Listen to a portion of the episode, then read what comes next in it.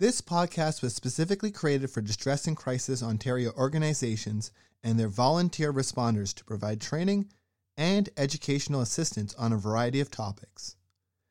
As information evolves and changes, these podcasts are meant to offer ongoing support with the goal of updating them on an ongoing basis. We thank the volunteer responders and the contributors to this podcast. Please visit our website, dcontario.org, for more information and how to access free mental health services. Thank you.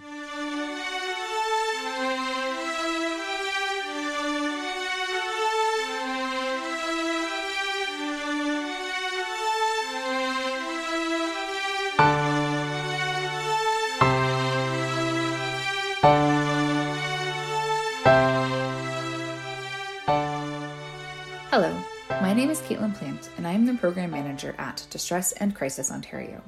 Thank you for choosing to listen to our podcast. Something that we've talked about many times in different contexts is the importance of setting boundaries. Boundary setting is an integral part of navigating relationships, practicing self care, and improving our mental well being. While we are still at the beginning of a new year, it feels like an appropriate time to explore how setting boundaries may help make 2023 a better year. As the topic of boundaries and boundary setting can be challenging, we will be talking about this over a two week period. This week, we'll explore why boundaries are important, where they may stem from, and explore some of the most common forms of boundaries. Next week, we'll get into the arguably more challenging part, which is how to set boundaries, overcome any challenges that arise from instances where boundaries are not respected, and how to respect others. The information we'll be using throughout both weeks is from the Self Help Alliance's workbook, Building Better Boundaries, as shared on CMHA Waterloo Wellington's Self Help and Peer Support page. If you are someone who learns well by reading and writing, the workbook may be a great tool for you to look up and work through at your own pace. It is quite large, 62 pages, but there are some activities that might be helpful to further exploring what boundaries would be best for you. Now, let's talk about boundaries. Boundaries are a life enhancing system of yeses and nos. They are stop signs and borders you install to protect yourself so that it, so that it is clear that you own your own life, make good choices, and pursue the authentic expression of who you are in the way you live, love, give, and relate. Boundaries help you to define your identity. You become clear and confident with yourself, and others know what to expect from you. They help you protect yourself from violators. Boundaries let in what is good and keep out what is bad, so you remain safe and able to express your true self. They bring order. Without them, you are unable to regulate demands, ideas, dreams, responsibilities, opportunities, pleasures, and activities. Life can become chaotic. Boundaries help you to promote yourself. Leaders and employers with good boundaries know that if you have good boundaries, you can be trusted to state clearly what you can and cannot do, welcome input, and work passionately without burnout. Boundaries help you to protect yourself from the control of others. Having clear boundaries makes it difficult for others to control you and makes it easier for you to say no when you need to. They preserve your purpose and mission.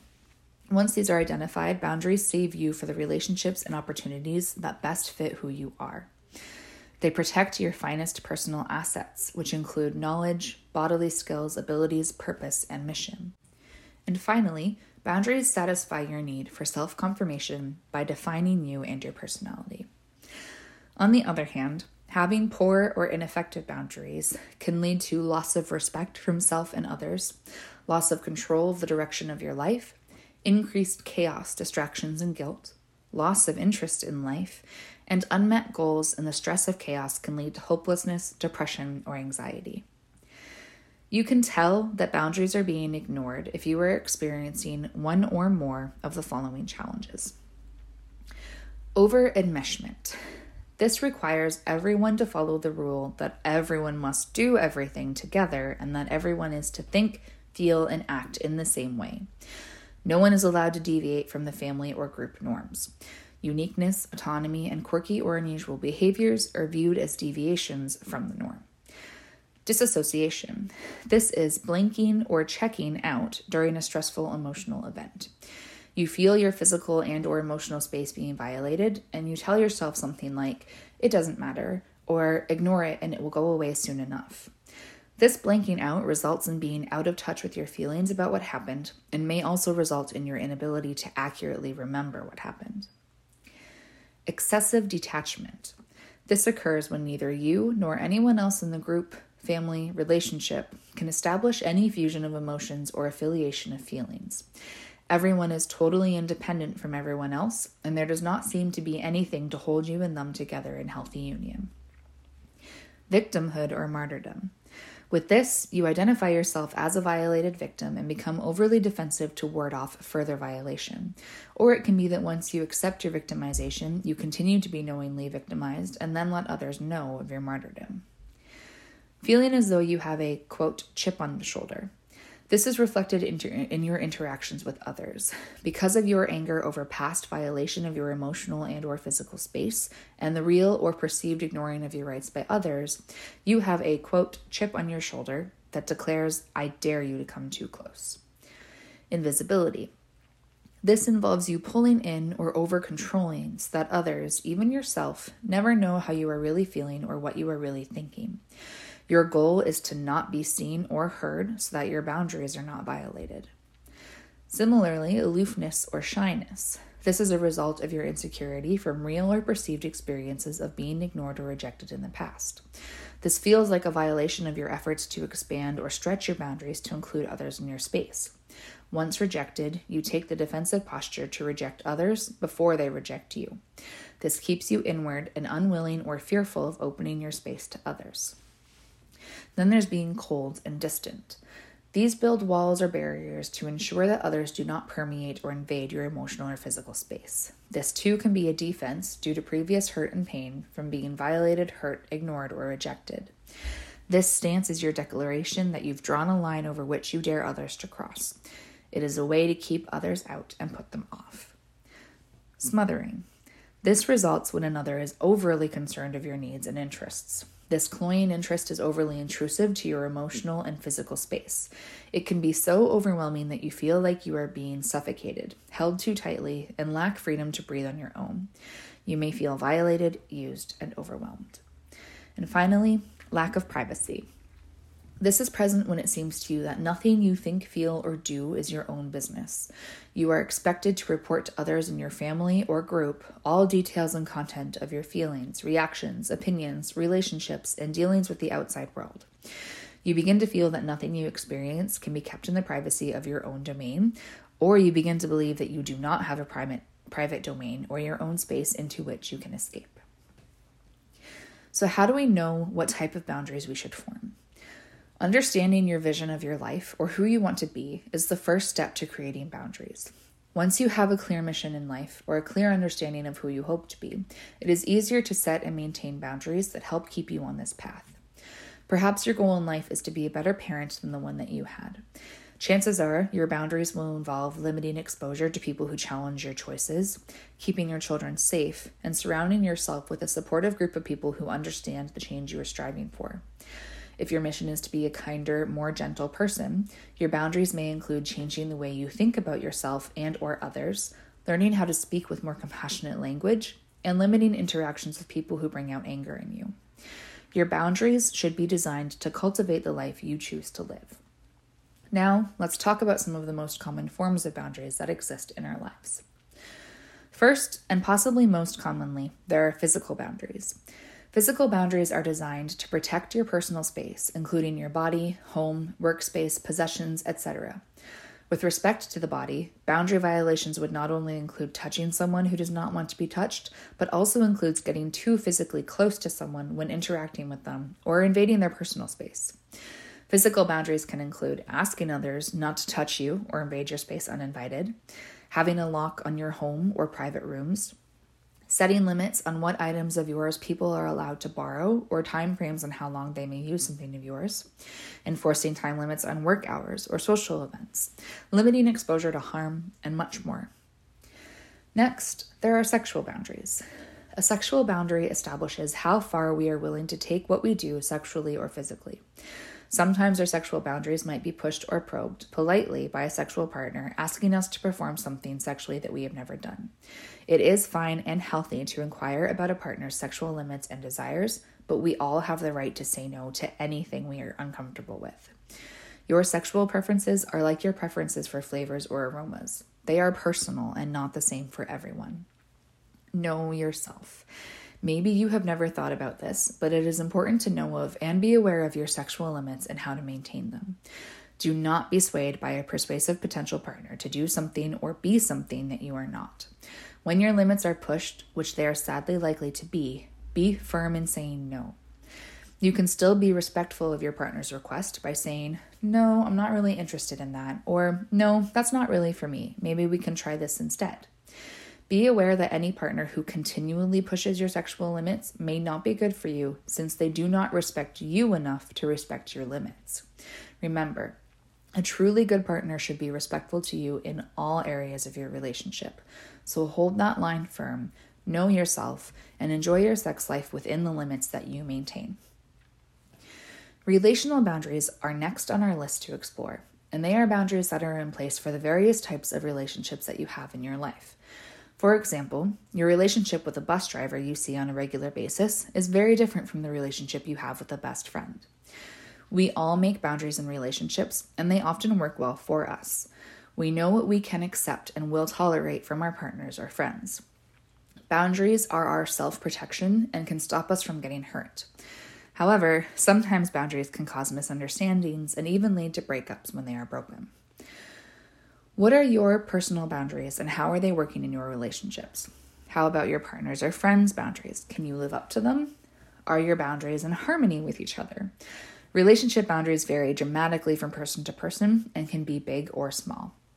Examples of big boundaries that might exist in relationships include whether or not you would accept someone who is having an affair, uses illicit drugs on a regular basis, abuses you, hurts your children or your pets, or even has a different view on major life impacting things like wanting children or not. The big boundaries outline what you will and will not tolerate and the things that may cause your relationship to end. Then there are the somewhat smaller boundaries. Some examples of smaller boundaries could include places you prefer they not go, whether or not you approve of their friends, actions you want them to do daily, food you prefer they eat or not eat. Again, the smaller boundaries are there to protect you, but are likely to be fear based. You fear that if your partner steps over your smaller boundaries, it would likely lead to bigger boundaries failing. Not only do you have your set of boundaries, but so does your partner or friend. Unfortunately, their boundaries may not all mesh with yours. Some you may have set mutually, but the rest are likely based on each of your own fears or goals. This conflict of boundaries not meshing usually falls within the smaller, more personal boundaries and can often lead to relationships failing. You or your partner may feel like the other person is trying to control them, and perhaps they have already broken off a previous relationship for this very reason. An important thing to remember is that it is okay to be somewhat flexible with smaller boundaries as long as these do not develop into bigger ones. If your partner wants to do something that may feel scary to you, but it falls within your smaller boundaries, now is the time to talk about it. Talk with them before you put your foot down. Try to listen and understand why they want to do it. More importantly, assess how you will really feel if they still do this action. Do you trust them? Are they trustworthy? Have they broken your trust in the past? Maybe this caused you to have this personal boundary in the first place. How long ago was your trust broken? Days? Then maybe it will be broken again. Years? Then perhaps it is time to trust them again. Our smaller boundaries may always be there, but allow yourself to be flexible at times. Only if you feel it is appropriate, move your boundary line to help mesh with your friends or partners. Another example of boundaries are emotional boundaries. Some emotions have received labels as good or bad. However, it is important to view all emotions as helpful. To label any emotion as a negative might steer people away from learning about their feelings, as they may want to avoid something being labeled as negative. Emotions that are traditionally considered negative can warn us when a situation is headed in a direction that may not be the best choice for us and can motivate us to make changes.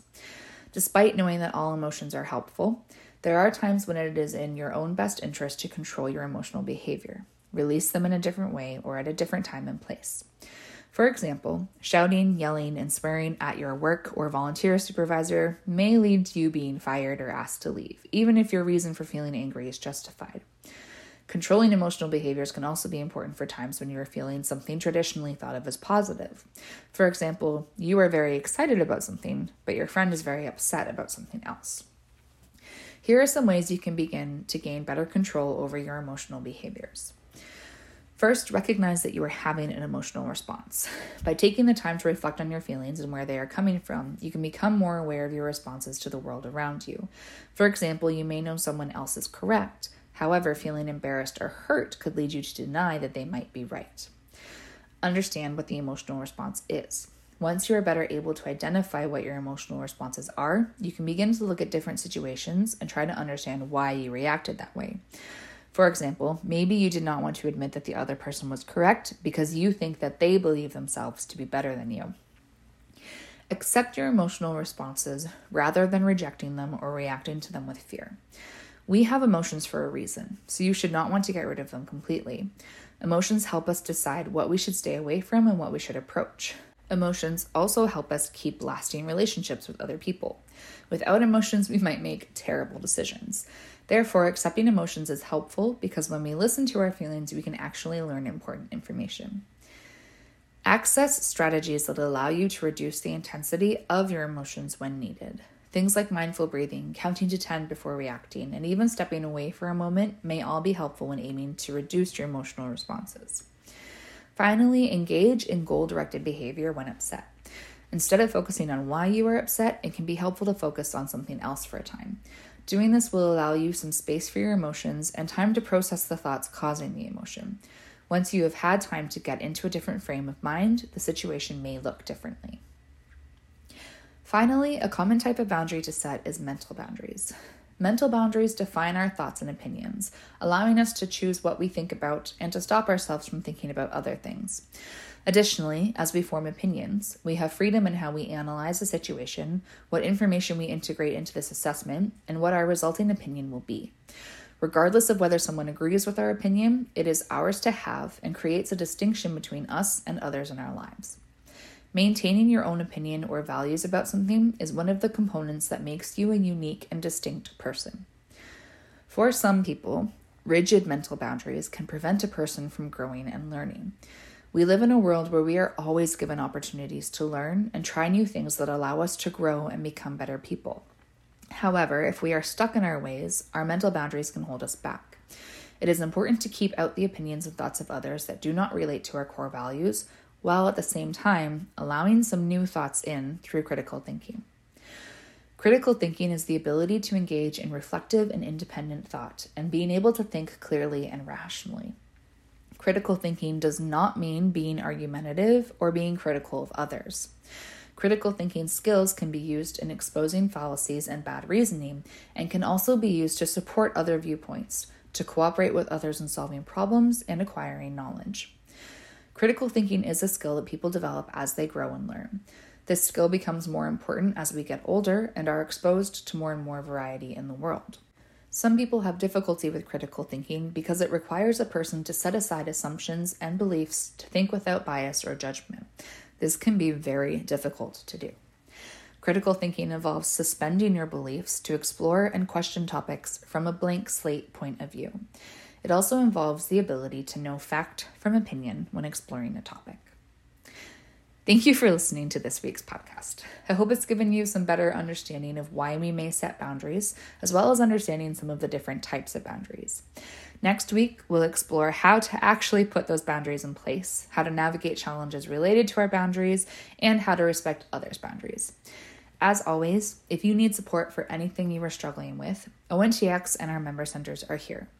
You can find your nearest center, many of whom operate 24 7, by visiting our website at www.dcontario.org forward slash locations. ONTX's online chat feature can be accessed from any page of our website using the Looking for Support sidebar. ONTX is available from 2 p.m. to 2 a.m. Eastern Standard Time every day of the week and can also be accessed by texting the word support to 258 258. If you have any feedback on this week's podcast or you would like to request future content, please do use the link in our show notes to fill out our feedback form. We'd love to know how we're doing and if there are ways we could improve. Thank you again for listening. I hope you have a great week and join us again next time.